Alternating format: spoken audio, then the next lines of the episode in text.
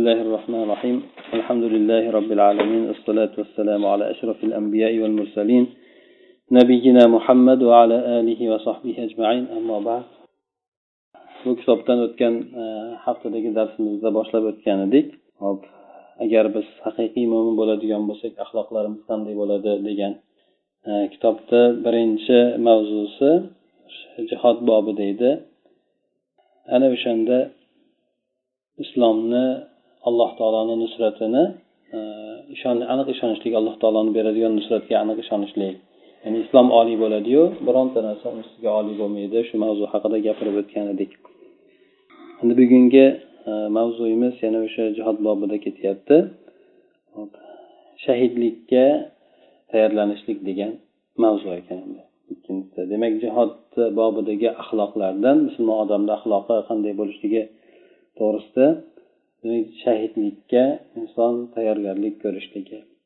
Nima uchun shahidlikka inson tayyorgarlik ko'radi?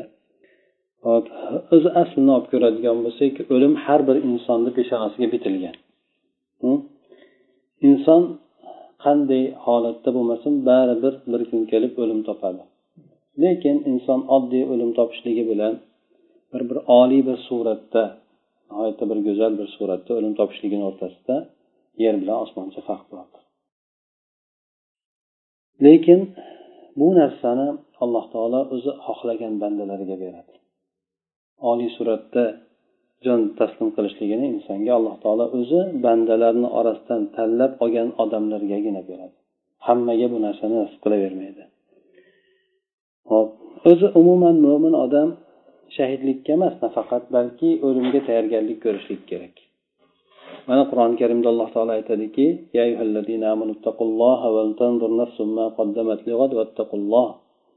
ey iymon keltirgan kimsalar alloh taolodan taqvo qilinglar. Alloh taoloni buyruqlarini to'liq suratda bajaringlar. Hamda ertangi kunga nima narsa tayyorlab qo'yganligini har bir jon bir nazar qilib qarasin dedi. Ya'ni ertangi kun qiyomat kuni endi. Mana shu narsaga inson nima tayyorlab qo'yganligini ya'ni nima narsa bilan ketayotganligiga qarasin. Ertangi kun nimaga ertangi kun dedi chunki birinchidan bo'lishligi aniqligidan. Ikkinchidan judayam yaqinligidan. Ertangi kun deb shuning uchun aytdi. Ertagaylar bo'lib qoladi deb o'zimizda ham so'z ishlatamizku ya'ni yaqindaglar bo'lib qoladi degan so'zda. Shuning uchun o'zi ertagacha bormizmi yo'qmizmi alloh taolo o'zi biladiyu lekin nihoyatda bo'lishligi yaqin bo'lganligidan ertangi kunga ya'ni qiyomat kuniga nima narsani tayyorgarlik qilib qo'yganligini bir o'ylab ko'rsin inson demak mana shu bilan o'limga tayyorgarlik ko'rishligi insonga lozim bo'ladi. Lekin endi o'limni ham oliy bir suratida taslim bo'lishligiga agar inson tayyorgarlik ko'radigan bo'lsa bu narsasi demak dunyoyu oxiratdagi eng katta ne'matga erishgan bo'ladi. Mana endi oldin shahidlik to'g'risida gapirishlikdan oldin uni fazli to'g'risida kelgan ba'zi hadislarni aytib o'tamiz shahidlikni fazli to'g'risida. Anas roziyallohu anhudan rivoyat qilinadiki payg'ambar sallallohu alayhi vasallam hadislarni birida aytdilar jannatga kirgan bironta odam jannatga kirib joylashib bo'lgan bironta odam dunyoga qaytib kelishlikni xohlamaydi faqatgina shahid bundan mustasno dedi shahidgina shu dunyoga ya'ni jannatga kirib joylashib bo'lgandan keyin dunyoga qaytasanmi desa shahid shu narsaga qaytishlikka rozi bo'ladi qaytishlikni so'raydi. Sababi nimaga? Sababini aytadiki chunki shahid orzu qiladiki dunyoga yana qaytib kelsayu yana o'ldirilsa o'n marta o'ldirilsa. Shunaqa ollohni yo'lida o'n marta o'ldirilsa shuni orzu qiladi. Sababi shahidlarga beriladigan martabani juda yuqoriligidan yana shu dunyoga kelsamu shahid bo'lib yana o'lib o'lsamidi yana qaytsamu yana shahid bo'lib o'lsamidi deb shuni orzu qilib qoladi dedi. Yana payg'ambar sallallohu alayhi vasallamdan bir hadislarda keladiki jannat ahllaridan bir odam olib kelinadi. Alloh taolo aytadiki ey bandam ey odam farzandi jannatdagi joyingni qanday topding? Ya'ni senga yoqdimi jannatdagi joying dedi. Bu odam aytadiki ha ey robbim nihoyatda yaxshi joy ekan deydi shunda alloh taolo aytadiki yana so'rab bir orzu qilgin bo'pti yana. Sen mayli so'rab orzu orzu qilgin. Nima narsalarni xohlaysan yana? dedi. Banda aytadiki parvardigor olam yana nimani so'rashim mumkin? Nimani orzu qilishim mumkin? Endi nihoyatda yaxshi joyga joylashmagan bo'lsam. Endi sendan men so'raydiganim meni shuni dunyoga qaytarsangda men yana seni yo'lingda bir o'n marta o'ldirilsam men shu narsani orzu qilaman deb alloh taolo aytadi endi. Bu yerda o'sha odamlarga jannatda shahidlarga beriladigan martabani nihoyatda yuqori bo'lganligidan. Hattoki o'sha turgan joyidagi mazani bilib qolgandan keyin yana ham inson agar o'nta jonim bo'lganda o'ntasini berib yuborgan bo'lardim. O'zi masalan aytaylik bir yaxshi bir maqsadga erishib qoladigan bo'lsa e, shunchalik meni mukarram qilar ekan.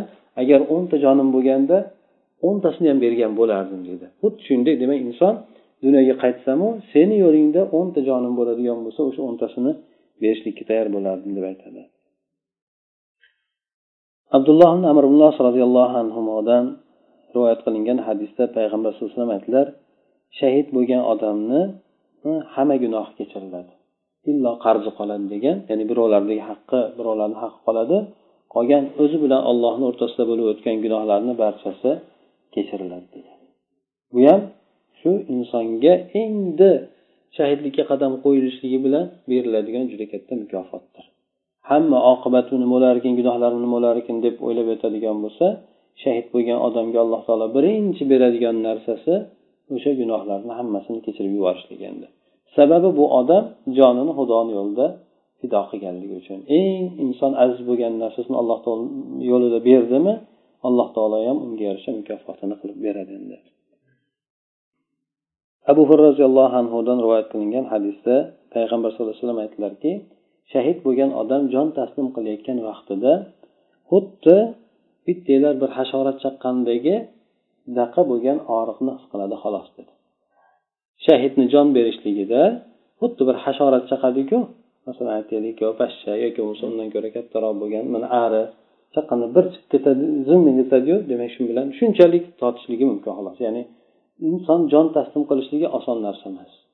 Ancha qiyin bo'lgan narsa. Lekin shahid bo'lgan odamni alloh taolo yengilligini beradida jon chiqar vaqtida xuddi bir hasharot chaqqandekgina narsani topadi xolos o'zida deb aytganlar endi haligi kasalligi bo'lib yo og'ir yarador bo'lib u qiynalib o'lishligi bu narsa boshqa narsa. Ha payg'ambar sallallohu alayhi vasallam ham vafotlaridan oldin nihoyatda qattiq istimalaganlar. Hattoki ikki kishini og'rishligidagi ya'ni bir bir odamni ikki barobar og'rig'idaqa og'riganlar.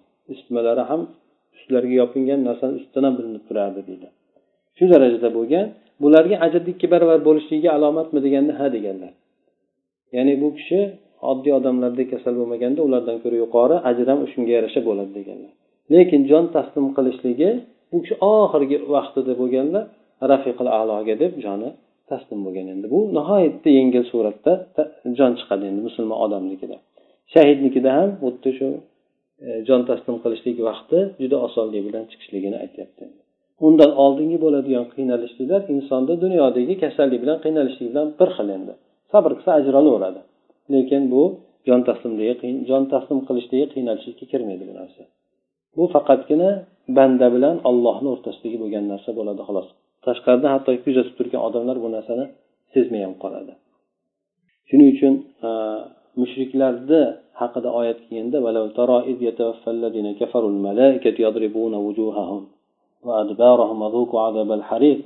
siz ko'rsangiz edi farishtalar mushriklarni jonini olayotganini ko'rsangiz edi ularni yuzlarigayu orqalariga urib yurib jonini olardi deydi ha inson ko'rmaydi ularni qanday olayotganligini jon taslim qilayotgan odamni o'zi biladi xolos bu narsani go'yoki bizga u odam shunday joni chiqib ketganga o'xshaydiyu lekin u orada qanchalik azobni totganligi qiyinchilikni boshdan kechirganligini demak u o'zi bilan allohni o'rtasida bo'lgan narsa bo'ladi. Shahidga alloh taolo demak yengillashtirib berar ekan. Yana undan keyin kab roziyallohu anhuni kabni molik roziyallohu anhuni rivoyatlarda keladi. Shahidlarni ruhlari jannatda bir yam yashil bo'lgan qushni ichlarida yuradi.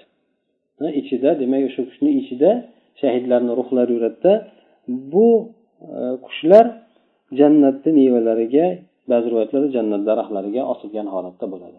Ya'ni jannatni bog'larida mevasidan mevasiga daraxtdan daraxtga uchib yuradi. Shu qushlarni ichida o'sha shahidlarni shahidni nimasi ruhi bo'ladi demak u inson jon taslim qilingandan boshlab turib alloh taolo ularni ne'matga duchor qilib qo'yadi. Qiyomatgacha. Shuning uchun qur'onda ham keladiki ollohni yo'lida o'tib ketgan odamlarni shahid bo'lgan odamlarni siz o'lgan deb hisoblamang. Ular tirik ollohni huzurida rizqlanyapti. O'sha rizqlanayotganiga demak ularni ruhlari ollohni huzurida ko'tarilib jannatda bo'lishligini bayon qilingan endi yana bir e, hadislarda keladiki hop bundan keyin e, mana naibn hammom roziyallohu anhuda rivoyatda keladiki bir odam payg'ambar sallallohu alayhi vasallamdan so'radi. Shahidlarni qaysi biri afzal? Shahidlarni darajalari ko'p. Turlari ham ko'p shahidlarni. Shahid bor jangda dushmanga ro'paron bo'lib o'ladigan shahid bor. Shahid bor o'sha jang maydonida o'lmasdan yarador bo'lib chiqib turib o'ladigan shahid bor. Ha bir muddat o'sha asoratni jarohatni asoratda bir muddat yashab turib o'ladigan shahid bor. Ana undan keyin yana hadisda kelgan boshqa shahidlar ham bor. Kim ich og'riqi bilan kasal bilan vafot etadigan bo'lsa bu odam shahid bo'lishligi vabo kasali bilan o'tgan odam shahid bo'lishiga sabr qiladigan bo'lsa kim molini himoya qilib o'lsa shahid bo'ladi nomusini himoya qilib o'lsa shahid bo'ladi shunaqa shahidlar turlari har xil endi. Shulardan payg'ambar alayhisalom so'radiki shahidlarni qaysi biri afzal bo'ladi dedi. Eng ulug'i eng afzali qaysi bo'ladi deganda payg'ambar sallallohu alayhi vasallam aytdilarki safda safga turadiganlar. Yuzlarini bular u yoqqa bu yoqqa burmaydi. Ya'ni u yoqqa bu yoqqa qochmaydida safda tikka turadigan odamlar hatto vafot etgunigacha dedi ya'ni u yoq bu yoqqa qochmaydigan faqat oldinga intiladigan odamlarni o'sha qatl qilingunigacha oldinga intilib o'tadigan odamlarni payg'ambar o'sha shahidlarni o'rtasida eng oliy bo'ladiganlar dedi. Ana o'sha kimsalar jannatdagi eng oliy xonalarga joylashishadi dedi. Jannatdagi eng oliy bo'lgan xonalarga joylashishadi hamda alloh taolo ularga kuladi dedi. Alloh taolo ularga kulib qaraydi dedi. Agar alloh taolo biron bandasiga kuladigan bo'lsa u odamga hisob kitob bo'lmaydi u odamga demak hisob kitob bo'lmaydi. Alloh taolo kulgan ya'ni undan rozi bo'lgan uni qilgan amal allohga nihoyatda yoqib tushganda shunda alloh taolo kuladigan bo'lsa u bandaga hisob kitob bo'lmaydi. Bu sahih hadis ekan bu ham endi ibodat somit roziyallohu anhudan rivoyat qilinadiki payg'ambar sallallohu alayhi vasallam aytdilar shahidni ollohni huzurida yettita xislati bo'ladi dedi. Shahid bo'lgan odamni ollohni huzurida yettita xislati bo'ladi. Endi boshqalarda bo'lmagan xislati bo'ladi. Birinchisi qonidan birinchi chiqishligida birinchi daf'a ya'ni qon otilib birinchi chiqishligida edi u odamni gunohlari kechiriladi dedi. O'sha qon chiqishligi bilan u odamni o'tgan gunohlari hammasi kechiriladi aytib o'tdik faqatgina qarz birovlarni haqqi qolishligi mumkin. Ana undan keyin u odamga shu asnoda yana jannatdagi joyi ham ko'rsatiladi. Jannatdagi joyini ko'rsatib xotirjam qilinadi. Hamda iymon kiyimi bilan kiydiriladi ya'ni iymoni nihoyatda ziyodalashtiriladi bu odam iymon ta'mini lazzatini tottiriladi vafot etishligidan oldin vafot etayotgan paytda bu odamga. Hamda qabr azobidan ham panoh beriladi qabr azobidan himoyalanib saqlanadi bu odam. Qiyomat kunida xotirjam bo'ladi. Hamma aytaylik qiyomat kunida holatim nima bo'lar ekan deb qiynalib yurgan vaqtda shahid bo'lgan odamlarda qiyomat kuni katta dahshatli bo'lgan kunda bular xotirjam bo'ladi. Hamda bu shahidlarni boshlariga salobat vaqor ya'ni salobat toji kiydiriladi. Salobatlik toji kiydiriladida ana o'shalardan o'sha tojdan bitta dona yoquti dunyoyu uni ichida bo'lgan narsalardan ko'ra yaxshiroq bo'ladi. Bu odamga demak alloh tomonidan beriladigan mukofot. Hamda huri illardan yetmish ikkitasi beriladi bu yetmish ikkitasiga uylantiriladi. Yana undan tashqari o'zini yaqinlaridan yetmish kishini shafoat qiladi qiyomatda u odam bitta aytaylik o'zini arzimas bo'lgan jonini endi o'ziga nisbatan qadrlidir. Allohga nisbatan arzimas bo'lgan jonini alloh taolo uchun beruvdi. Alloh taolo unga shunchalik bir qadrni bergan hattoki bu ancha muncha odamga bermaydigan fazilatni alloh taolo bu odam uchun bergandi. Yana abu umama roziyallohu anhudan rivoyat qilinadigan hadisda payg'ambar sallallohu alayhi vasallam aytdilar. Alloh taologa ikki tomchi ikki tomchi bor u ikki tomchidan ko'ra bir afzal suyimliroq bo'lgan narsa yo'q dedi. Hamda ikkita iz bor dedi asorat insondan qoladigan asorat iz bo'ladi dedi. Ana shundan ko'ra demak ikkita alloh taologa suyimliroq bo'lgan narsa yo'q dedi. Ammo ikki tomchini aytadigan bo'lsak birinchisi ollohdan qo'rqqanligidan yig'laganda tomadigan tomchi dedi ko'z yoshi dedi. Ikkinchisi ollohni yo'lida to'kiladigan qon dedi. Ollohni yo'lida to'kiladigan qon dedi. Ammo izga keladigan bo'lsak bu ollohni yo'lida bo'lgan insonni bosadigan izi dedi. Ikkinchisi ollohni farzlarini bajarayotganda bosadigan qadami dedi. Ha bu farzlari namoz bo'lsin yoki bir boshqa bir farzlar ado etayotgan bo'lsin ana o'shanda inson harakat qilib borishligi o'shanda bo'ladigan izi alloh taologa nihoyatda suyimli bo'lgan narsa deb aytilar endi. Shahidlarni yana bir hadisda payg'ambar sallallohu alayhi vasallam aytdilarki bu shahidlar jannatni eshigini oldidagi ya'ni hali nimagacha? Qiyomat bo'lib jannatga kirgunigacha hop jannatni eshigini oldidagi bir daryoda bo'ladilar dedi. Ya'ni hop ko'm ko'k bir nima bor gumbaz bo'ladi dedi. Ana o'shanda jannatni eshigini oldida yarqirab turgan shunaqa bir eshikni oldida bo'ladilar. Ya'ni ko'm e, ko'k gumbaz bo'ladi o'shani ichida bo'ladilar. Ularga jannatdan ertayu kech rizq chiqib turadi dedi. Ya'ni bu jannatga kirishlikdan oldin endi. Aytib o'tdik yana ba'zi shahidlarni ruhlari qushda yuradigan bo'lsa ba'zilariniki demak o'sha jannat eshigini oldida o'sha jannatdan chiqadigan rizqlar bilan rizqlanib turadi deb aytdi yana bir e, hadisda keladiki ibn abbos roziyallohu anhu rivoyat qilgan ekan. Rasululloh alayhi vasallam aytdilarki hop yana bu yerda ham birodaringlar e, musulmonlar vafot etishgach shahid bo'lishgach aytdiki alloh taolo ularni ruhlarini bir ko'm ko'k bo'lgan o'sha qushni ichida qilib qo'ydida bu jannatni daryolariga borib yuradi mevalardan yeb yuradi dedi. Hamda tillodan bo'lgan o'sha arshni soyasida tillodan bo'lgan qandillarga osilib turadi bular. Hop. Ular demak o'zlarini eng shirin bo'lgan yemaklarini ichmaklarini o'sha yerda topishadi. Aytishadiki ya'ni o'shanday ne'matlarni topib turib ruhlari aytadiki bizni bu yerda bunday ne'matni topayotganligimizni bizni birodarlarimizga kim yetkazadi? Ha? deb aytishadi. Shunda alloh taolo nozil qildiki ya'ni ollohni yo'lida shahid bo'lgan kimsalarni o'lgan deb o'ylamanglar. Ular ollohni huzurida rizqlanyapti hamda o'zidan keyingi qolgan odamlarga ham o'zlarini nihoyatda xursand ekanligini bashoratini beryapti xavf xatar yo'qligini deb alloh taolo oyat nozil qiladi. Ularni xabarini alloh taolo oyat orqali yetkazadi endi. Abu hurra roziyallohu anhudan yana bir hadisda keladiki payg'ambar sallallohu alayhi vasallam jibril alayhissalomdan bir oyat haqida so'radi ونفخ في الصور فصعق من في السماوات ومن في الأرض إلا من شاء الله demak bir oyatda kelgan ekanki hop sur chalingan vaqtida yer osmondagi bo'lgan kimsalar hammasi qiyomat kunida sur chalingan paytida o'zidan ketadi illo alloh xohlagan kimsalar qoladi deb aytilgan oyat bor mana shu olloh xohlagan kimsalarni orasida kim bor deganda bular shahidlar deb aytgan rivoyat ham bor ekan endi ya'ni hamma vafot etadi hamma o'zidan ketadiyu lekin shahidlar qoladi degan rivoyat ham bor ekan. Bu shahidlarni fazli to'g'risida kelgan e, demak hadislarni aytib o'tdik.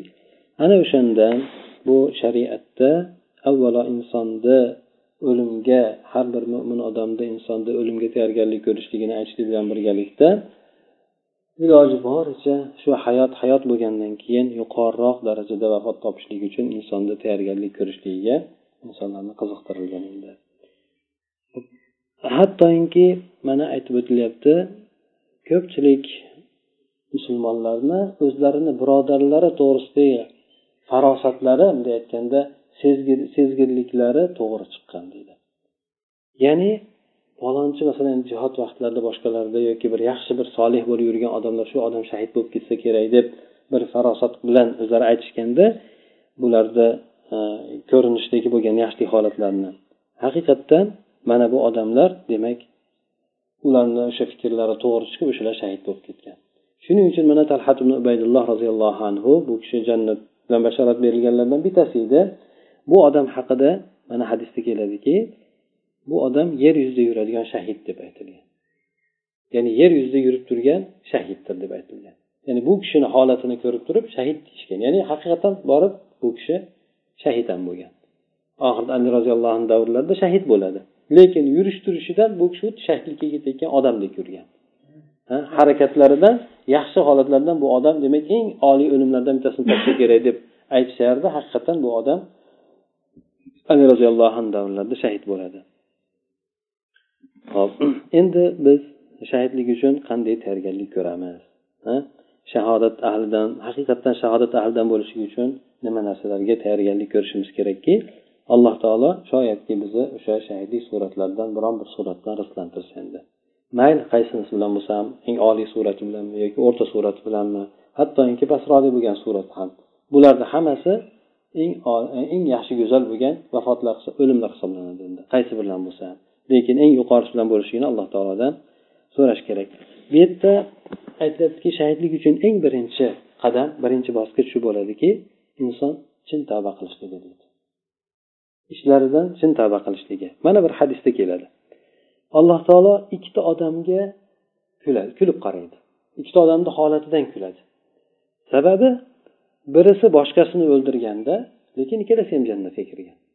Birisi boshqasini o'ldiradida ikkalasi ham jannatga kiradi. Qanday qilib? Desa birinchi odam o'ldirilgan odam ollohni yo'lida shahid jang qilib shahid bo'lib ketdi endi. Narigi odam o'ldirdi. Keyin u odam ham tavba qilib islomga kirdida bu odam ham shahid bo'lib ketdi keyin.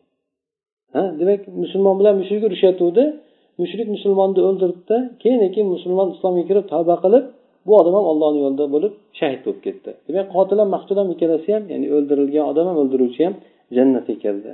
Shunda alloh taolo bularga ajablanib kuladi deydi. Ya'ni inson tasavvur qilolmaydi bu yerda. Qanaqa qilib o'ldirgan odam bittasi bittasi kirishi kerak deb. Lekin alloh taolo qodir. Agar bu odam chin tavba qilgandan keyin uni ham shahid shahidlik bilan siylashlikka shuning uchun aytishadiki o'tmishi johiliyat bilan o'tgan odamlarni ham alloh taolo gunohlarini kechirib shahid bilan siylashligi hech uzoq emas deydi. O'tmishi johiliyat ya'ni o'tmishida yaxshi o'tmagan. Lekin odam tavba qilib hayot mobaynida yaxshi amallarni qilibdi shu bilan shahidlikka erishganligi.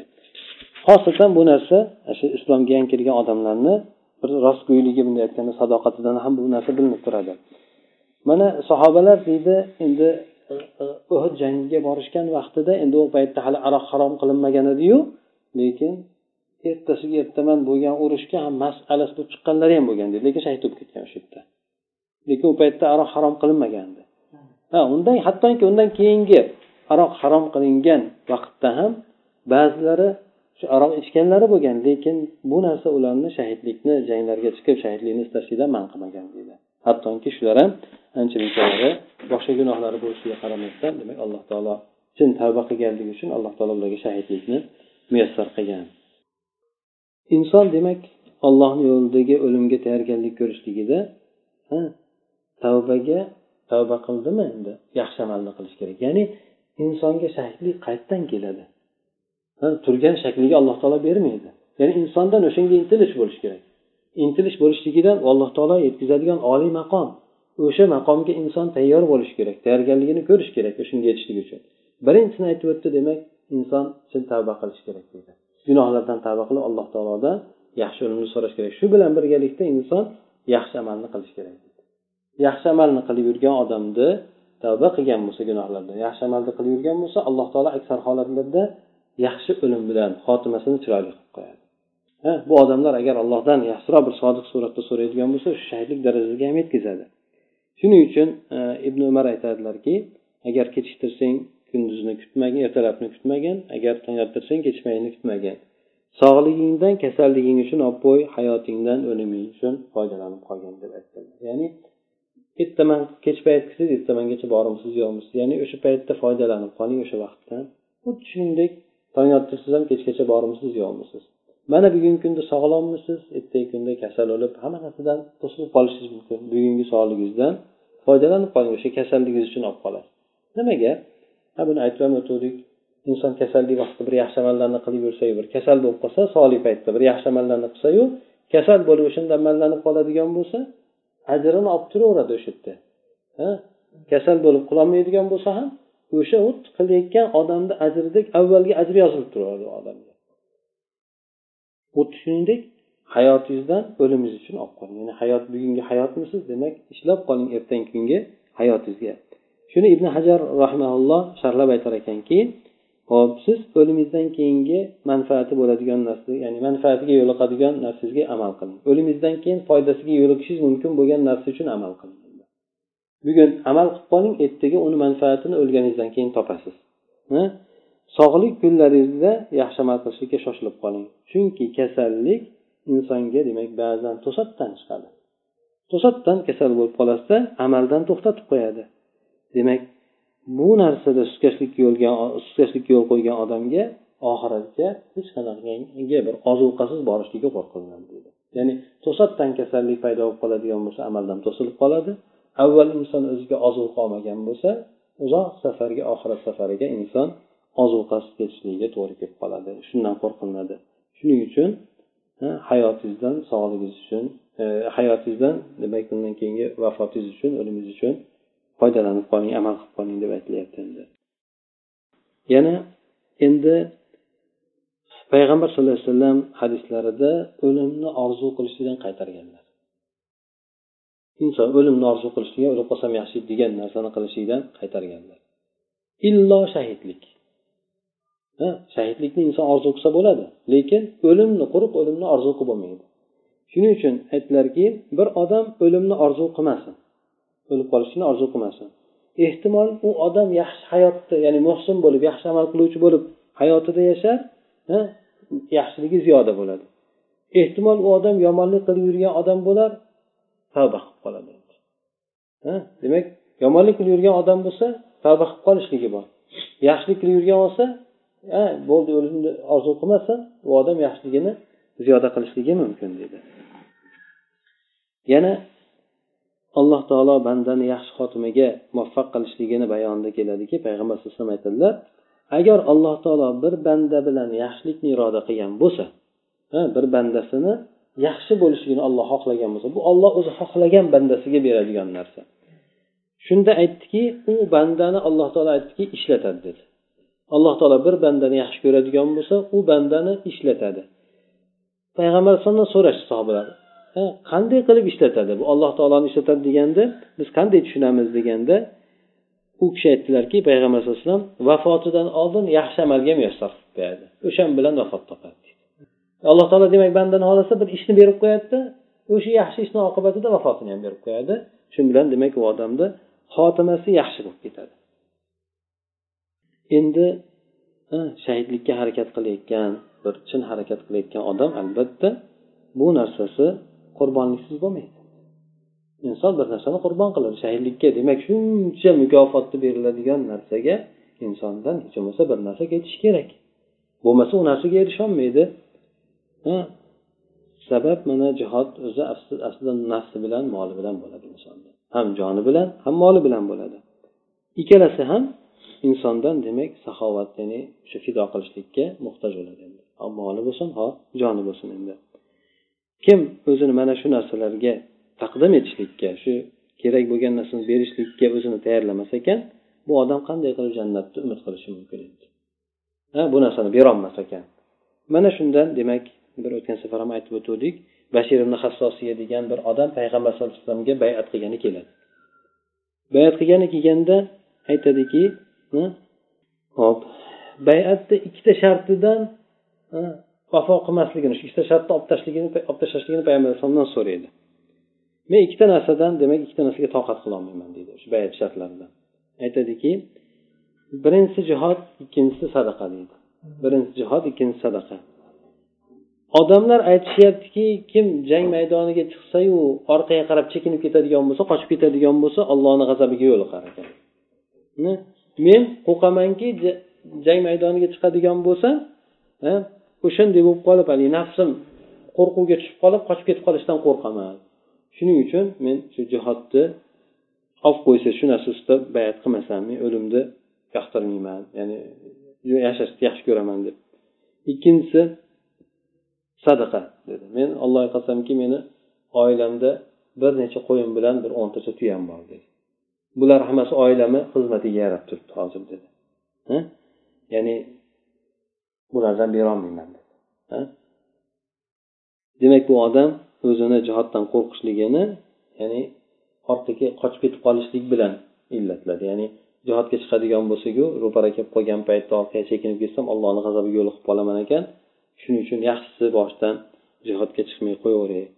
Ikkinchi sadaqasini demak men o'zi ozgina narsaga qodirman xolos ya'ni qo'limda ko'p narsa yo'q deb aytmoqchi bo'ldi bola payg'ambar sallallohu alayhi vasallam shunda qo'lini u odamdan tortib oldi. Tortib oldida keyin qo'lini harakat qilib aytdiki jihod ham bo'lmasa sadaqa ham bo'lmasa unday bo'lsa jannatga nimaman kirasan dedi. Qanaqa qilib jannatga kirasan dedi. Sahobiy aytdiki bo'ldi rasululloh hammasini ustida siz bilan bayat qilaman. Hech narsani istisno qilmasdan hamma narsani ustida demak bayat qilaman dedi. Bu yerdagi narsa bu inson savdolashadigan narsa emas. Ha jannat bo'lib turgandan keyin bayat bo'lib juda katta masala yuklayotgandan keyin bu sodirlashadigan narsa emasda balki masala jiddiy bo'lgan narsadir endi. Albatta inson e, bir fidokor bo'lishligi uchun jur'at kerak endi.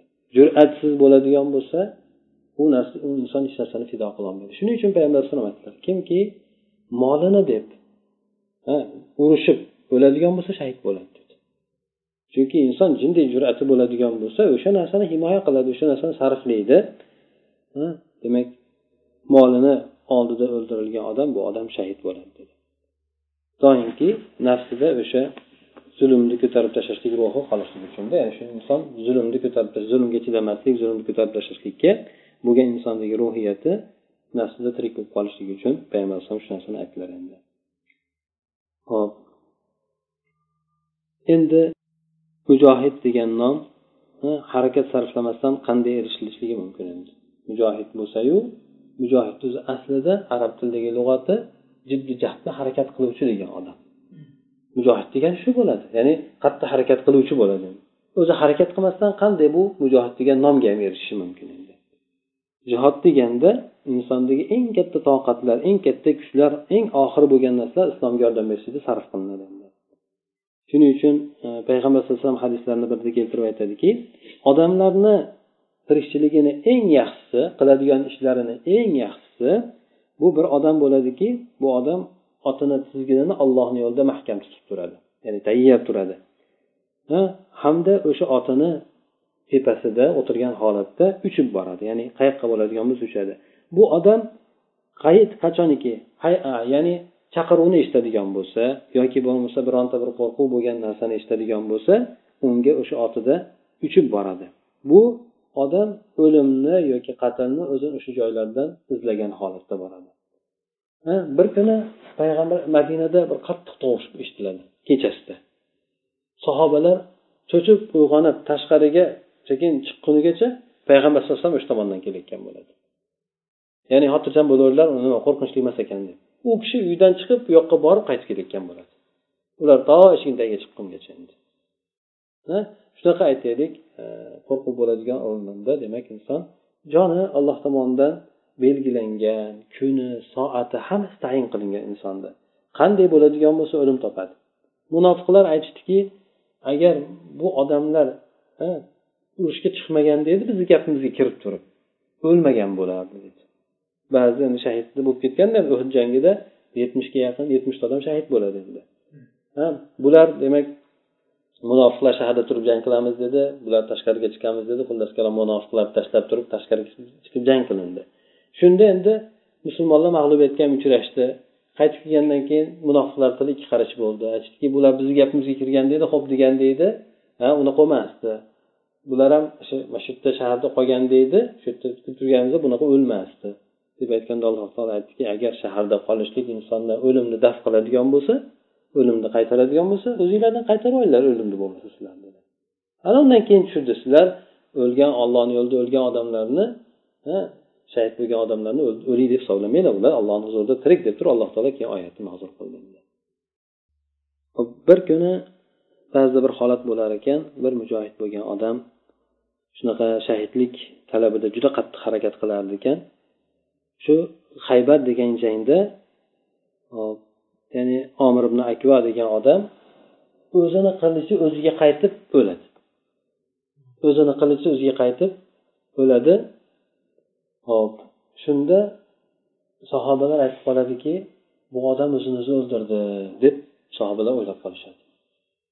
Bu kishini demak akasi bo'ladi salomat ibn akva roziyallohu anhu. Bu kishi yugurishlik bilan mashhur bo'lgan.